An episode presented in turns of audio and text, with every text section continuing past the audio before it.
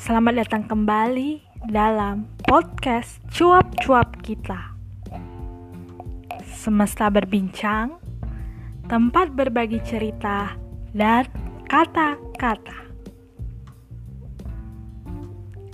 Damai.